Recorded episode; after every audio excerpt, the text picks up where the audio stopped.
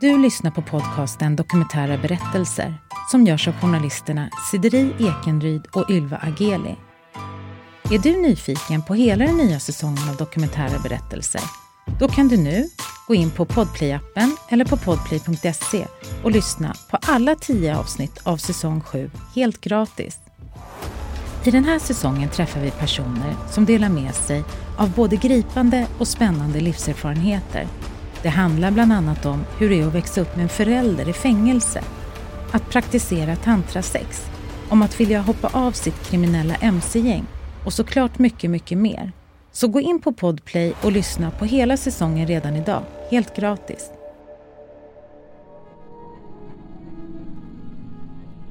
Hur går man vidare efter att ha blivit sexuellt utnyttjad som barn? Vi har träffat Sara och Amanda som arbetat med att hjälpa barn som varit med om övergrepp. Men både Sara och Amanda utsattes av sina respektiva pappor när de var små. Min pappa började utsätta mig när jag var 12 och det pågick från och till fram tills att jag var 18. En dag så berättade jag då till henne att eh, jag har sugit på pappas snopp. Det är ett sjukdomstillstånd, det är en psykiatrisk diagnos. Vi pratar också med psykoterapeuten Börje Svensson som arbetat med behandling av både offer och förövare när det kommer till sexuella övergrepp mot barn. Jag har ju pratat med många pedofiler och jag får ju olika svar från dem. Idag är Sara och Amanda vuxna och det här är deras berättelse. Det började som någonting lekfullt och sen så utvecklades det ganska grova övergrepp. Sara är 12 år när övergreppen börjar. Det min högsta dröm var att få vara som alla andra i min ålder. Ehm, och få sova över och hos andra, gå på disco och sådär. Och jag ville klippa håret kort och gick jag med på det och så att säga. Ehm, om jag lät honom utsätta mig så fick jag klippa håret. Så att det blev liksom en slags prostitution i det här också. Vilket är jättehemskt. Men det är också ett sätt för honom att möjliggöra övergreppen. Det är när Saras föräldrar skiljer sig som övergreppen börjar. Hon och hennes lillebror bor hemma hos sin pappa. Det fanns ju en rutin. Det, han tjatade så pass länge och tills jag antingen stod på mig och sa aldrig i livet och då så frös han ut mig och pratade inte med mig på tre dagar. Och sen så, fick, sen så utsatte han mig i alla fall.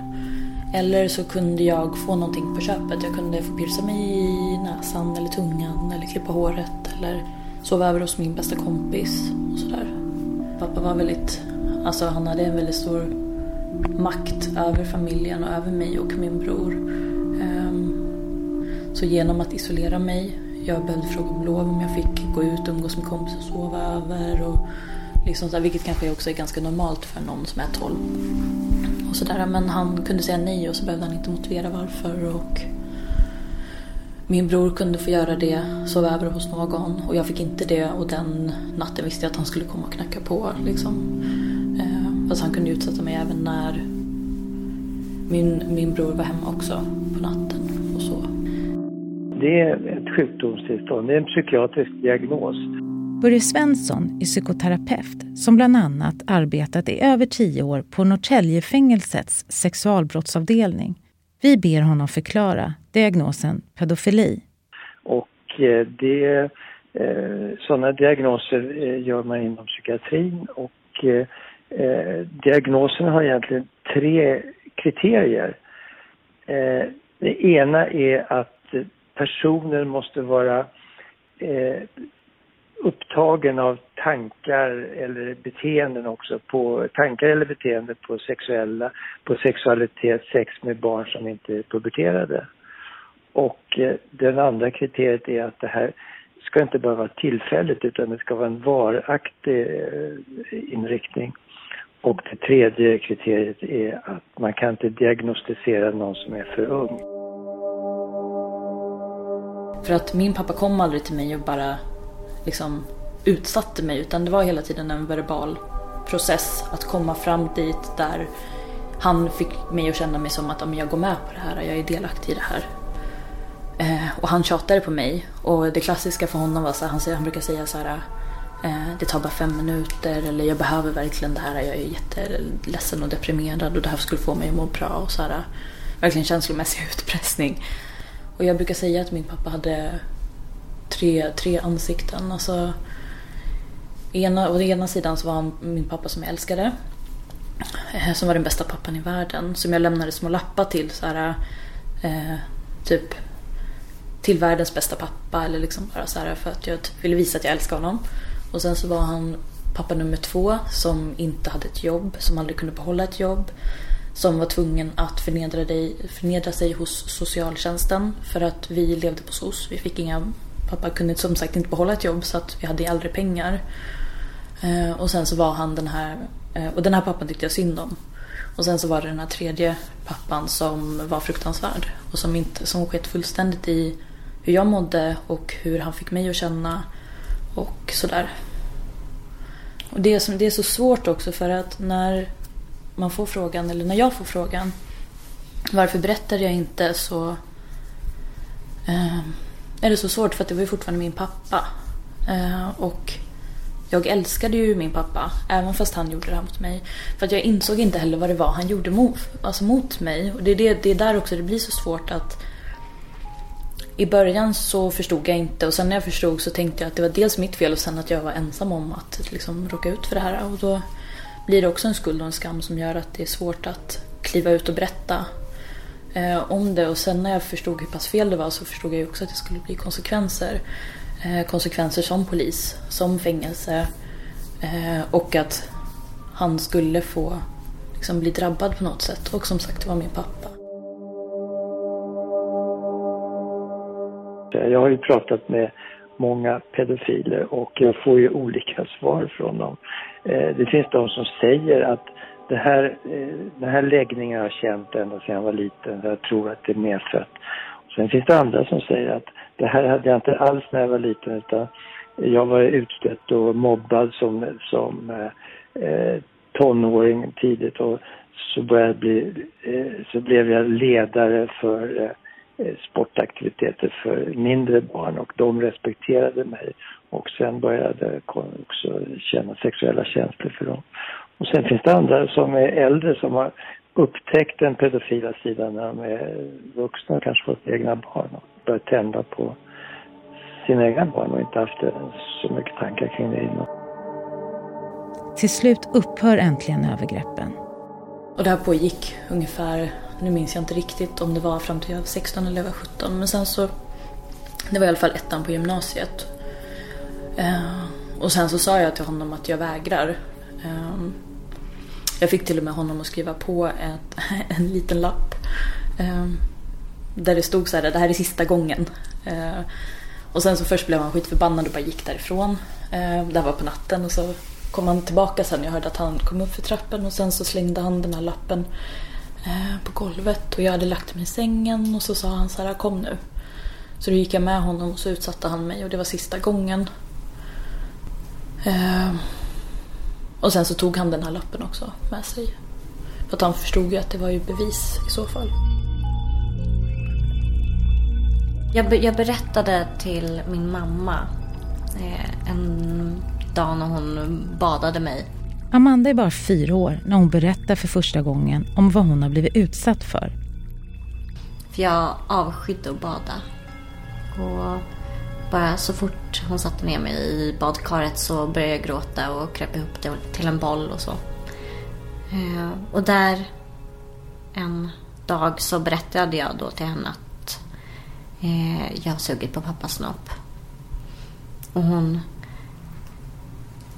blev ju förskräckt och rädd och så. Men sen slutade inte jag att eh, prata om det. Så hur många är det som har diagnosen pedofili? Börje Svensson, psykoterapeut igen. Jag är ingen forskare men det finns de som menar att eh, det är ungefär 3% av befolkningen kan ha ett visst intresse av att, eh, att eh, ha sex även med barn. Och eh, det innebär ju att eh, antagligen så finns det väldigt många pedofiler som inte inte gör övergrepp på barn. Men pedofili är ju inget brott utan brottet är ju att göra sexuella övergrepp på någon som inte har den åldern eller ömsesidighet. Vi undrar också om tillståndet går att bota. Jag har ju träffat människor som har gjort sexuella övergrepp på barn och varit intresserade av det men sen börjat intressera sig för jämnåriga. Och eh, då kanske inte det var en riktig pedofil, vad vet jag. Mm. Eh, men det finns ju, man kan ju få förändring och det viktigaste det är ju att oavsett vilken vilket tillstånd man är i, vilka psykologiska eh, eh, preferenser man har så ska man inte begå brott. Och att begå sexuella övergrepp och våldtäkt är att begå brott. Så att man kan ju få dem att sluta begå brott kan man säga.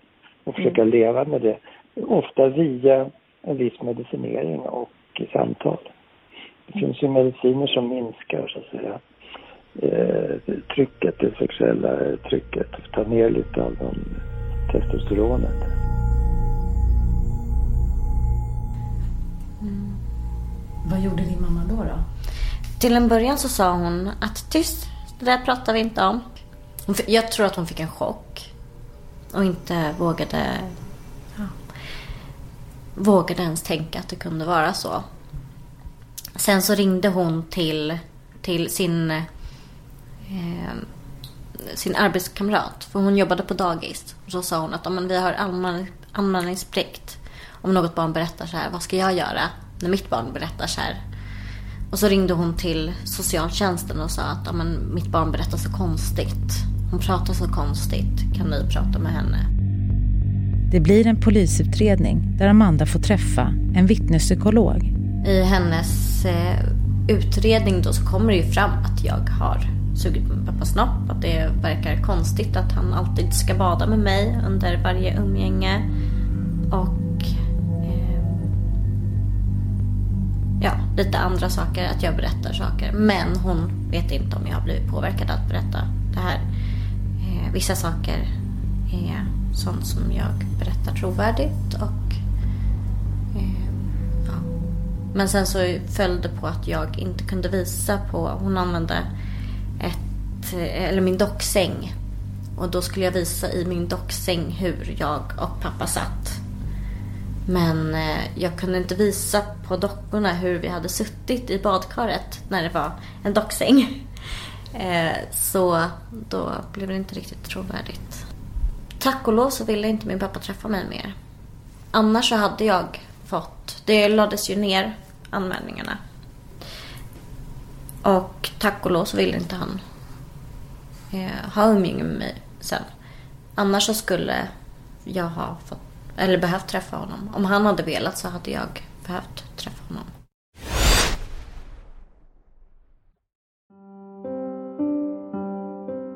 Livet blir tufft för Amanda efter övergreppen. Jag har haft, jag fick ganska tidigt ätstörningar. Och det kan man se redan från att jag var ja, tre, fyra år. Att jag började undvika eh, krämiga saker och eh, yoghurt och fil och såser. Och då för att det påminde mig om övergreppen. Och sen utvecklades det eh, mer till större ätstörningar. Eh, sen också med självhat och, och jag har träffat killar som har varit eh, behandlat mig dåligt och, och så.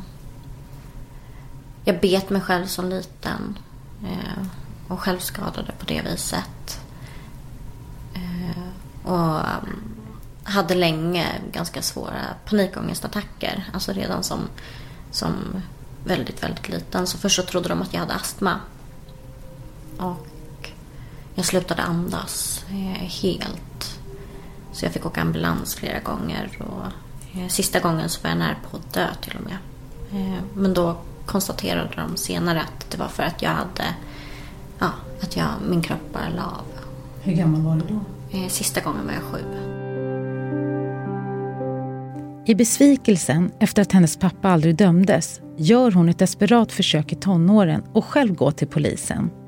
Det var ju en period under mitt liv som jag mådde ganska mycket sämre. Och det var när jag var ungefär 15. Det var mycket som kom tillbaka till mig då. Eh, jag undrade om min barndom och, och, läste mina förhör till exempel. En del av det. Och då såg jag i det här psykologutlåtandet att, de, att jag hade Eh, att de hade kommit fram till att jag hade eh, sugit på min pappas snopp. Min pappa hade även erkänt att, han, att jag hade sugit på hans snopp. Men att han hävdade att det var mitt fel, att jag ville det. Så då gick jag till polisen när jag fyllde 15. Jag hade tänkt på det ett tag men när jag blev 15 och blev straffmyndig nästan samma dag så gick jag till polisen och sa att ja, nu är jag straffmyndig. Det är så här att jag har sugit på min pappas snopp och våldtagit min pappa när, när jag var fyra. Så nu vill jag att ni tar tag i det här. Fast de gjorde ju ingenting. Det blev inte ens en anmälan gjord. Utöver hans arbete med dömda sexualbrottslingar så har Börje Svensson också behandlat offer. En del av behandlingen går ut på att minska den skam som ofta uppstår efter sexuella övergrepp. Alltså problemet är ju att när förövaren begår sin skamliga handling att förgripa sig sexuellt på ett barn, då, eh, då eh, förs även en del av skammen över på offret. Så att offret känner ofta skam och eh, eh, tror att hon har varit delaktig i det här eller att det var lite hennes fel och eh, känner skuld för att hon har skvallrat kanske. Så att det är ju en del att få förstå att det här är ingenting som de har ansvar för det som har hänt utan de är faktiskt, eh, faktiskt eh, ett offer har rätt att så att säga vara offer och inte ta något ansvar för det de har gjort. Och eh, så att det är en del att, att, att minska skammen helt enkelt som även offret känner. Mm. Sen också att, eh, att kunna sätta ord på det man varit med om, att gå igenom i detalj vad man har varit med om för att göra det verkliga verkligt och inte, inte tränga bort det här utan sopa, upp under mattan utan att, att ungefär som när man eh, gör traumabehandling, att man går igenom i detalj vad som har hänt och vad som var det värsta och vad som, hur det kändes och så vidare. Och eh, sen är ju känslor ett stort område, att våga uttrycka känslor kring det man har varit med om. Och eh, ofta är det dubbla känslor, om det, speciellt om det är en närstående som har förgripit sig så kan det vara så att offret känner också längtan och kärlek till den som har förgripit sig på henne, vilket gör att det blir väldigt komplicerat. Tack vare en bra psykolog kan Amanda till slut hantera det som hon varit med om som liten. Jag gick i terapi tills att, ja, i perioder när jag behövde det tills att jag var 18. Och det, det är tyvärr ingenting som är vanligt nu för tiden, har jag upplevt. Men jag fick jättebra stöd. Vad var det som gjorde att hon var så bra? Att hon vågade fråga. Hon vågade ställa konkreta frågor och vågade möta de känslorna man hade. Till exempel att jag bet mig själv. Varför bet jag mig själv? Jo, det var för att jag fick... Eh, att det gjorde ont i mig när jag tänkte på min pappa. Mm. Hon pratade om om känslor man hade. Hon var inte liksom blyg för känslor som man hade. Om man hade haft känslor av att det kanske var skönt, vissa grejer. Hon var väldigt rak och vågade ställa rätt frågor. Och sen handlar det om gränser mycket också. Att menar, offret har blivit gränsöverskriden både fysiskt och psykiskt. Och eh, risken är att det där eh, gör att de själva får svårt med gränser, att de riskerar att utsätta sig för andra gränsöverskridande sexuella handlingar och att de måste att man måste hjälpa dem att förstå vad som är liksom privat och vad man har rätt att säga nej till. Och också kunna skilja på kompiskramar och sexuella kramar när man kommer upp i tonåren. Så att och sen också att inte, att kunna gå vidare i livet. Att när man har jobbat med att man inte fastnar i det och blir någon slags ständigt sexuellt offer och och eh, skyller alla motgångar på att man var sexuellt utsatt en gång. Utan att eh, det finns en gräns där man måste lägga bakom sig också det som har hänt och gå vidare. En dag händer något oväntat. Amanda får reda på att hon har fått en ny lilla syster. Jag fick ju, eller min pappa han träffade eh, en tjej som är lika gammal som jag är nu. Ett år äldre än mig. Eh, och de skaffade barn. Jag visste ingenting om det utan han, han ringde till mig eh, ja, när hon hade fötts i princip och sa att ja, du har fått en lilla syster. Och redan då kände jag att men det är katastrof. Jag började må jättedåligt. Och ja, jag tänkte att han kommer utsätta henne igen. Eller utsätta henne också för övergrepp. Och sen har jag inte kontakt med dem utan jag försöker jag pratar med advokat och jag pratar med socialtjänsten och de säger att du kan inte göra någonting. Utan han är inte dömd för dig. Jag kan inte göra någonting. Så finns det några riskfaktorer. Alltså att barn i vissa sammanhang kan göra dem extra utsatta för en förövare. Jag har ju pratat med pedofiler som eh, blir väldigt, alltså som kanske har arbetat med Eh, barn och så vidare. Och det, det är klart att de försöker välja ut det. Alltså, en pedofil är inte bara sexuellt intresserad av barn utan de älskar att vara med barn rent socialt. De känner sig hemma bland barn. Och sen eftersom de träffar kanske så många barn så är det klart att de försöker att närma sig sexuellt någon som är mest lättåtkomlig. Och då kan det vara någon som längtar efter en, någon slags eh, manlig förebild och som beundrar den här personen och så vidare. Så de, då utnyttjar de den eh, svagheten kan man säga, eller den längtan hos barnen.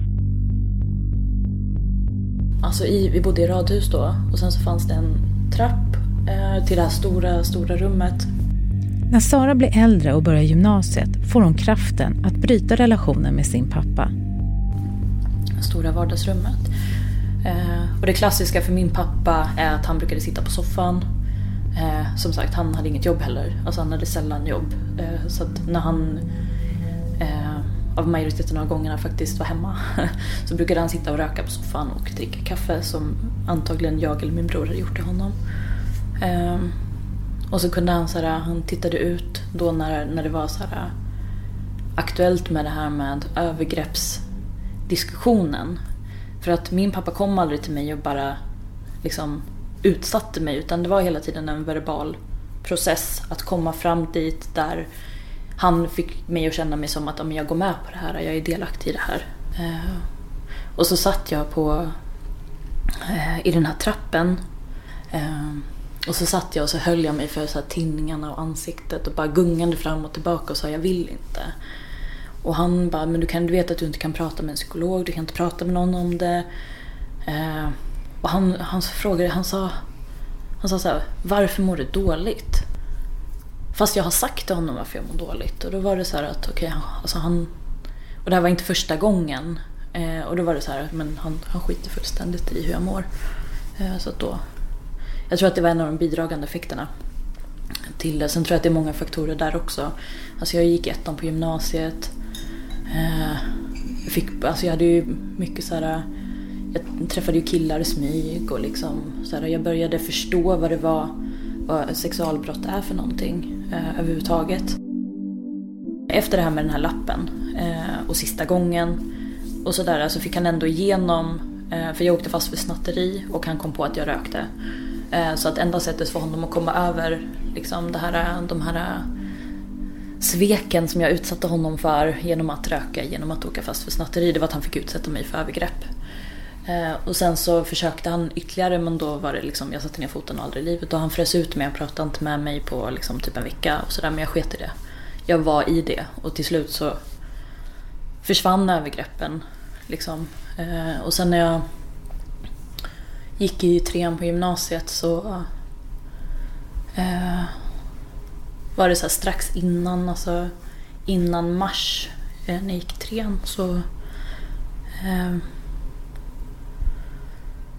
så märkte jag att han blev konstig. Han fick så här, vad jag kallar hundansiktet. Då sa han så här, typ hans deprimerade state of mind. Eh, och då är det så, då han så himla, han var så mycket i självömkan. Eh, och då visste jag att nu är det någonting på gång. Jag fick också ätstörningar eh, som började när jag var 12 ungefär och eh, var som eh, värst då när jag gick i trean på gymnasiet för då hade jag ganska grov bulimi också. Och jag hade gått ner jättemycket i vikt och sen så kommer han in och sätter sig på min säng. Eh, och säger till mig att jag hade fått så himla fin kropp nu. Eh, så att liksom, kan jag inte göra det här för honom, han mår dåligt och det tar bara fem minuter och så vidare. Och så vidare. Eh, och då fattade jag att nu är det här på väg att börja igen. Så att då tog jag beslutet att berätta för min mamma.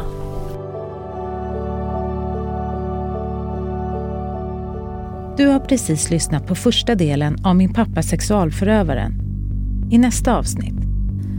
Och det är ett samtal från min bror som jag inte heller haft någon kontakt med. Och han säger att ja, men, vår pappa sitter häktad för övergrepp. Går Saras och Amandas fall någonsin vidare till rättegång? Och i så fall, blir deras pappor dömda? Alltså jag gömde att jag skrev dagböcker för min pappa. För att han hade hittat en av mina dagböcker från när jag gick i sjuan och där jag skrev att jag hade pussat en, en pojke. uh, och han sa till mig att uh, jag i princip var en hora. Så att uh, jag började gömma de här dagböckerna när jag skrev dem hemma och sen så lämnade jag dem hos mamma. Vi pratar också med Kristoffer Ram som är överläkare och forskare på Karolinska institutet. Han har forskat på ett läkemedel som minskar risken för sexuella övergrepp mot barn.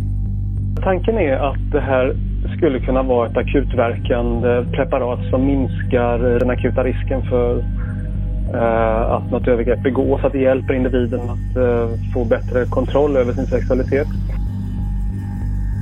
Avsnittet hör du redan nu, helt gratis på Podplay tillsammans med hela säsong 7 av Dokumentära berättelser. Och glöm inte att mejla oss på kunskapsstudion gmail.com om du vill dela med dig av din historia. Podplay, en del av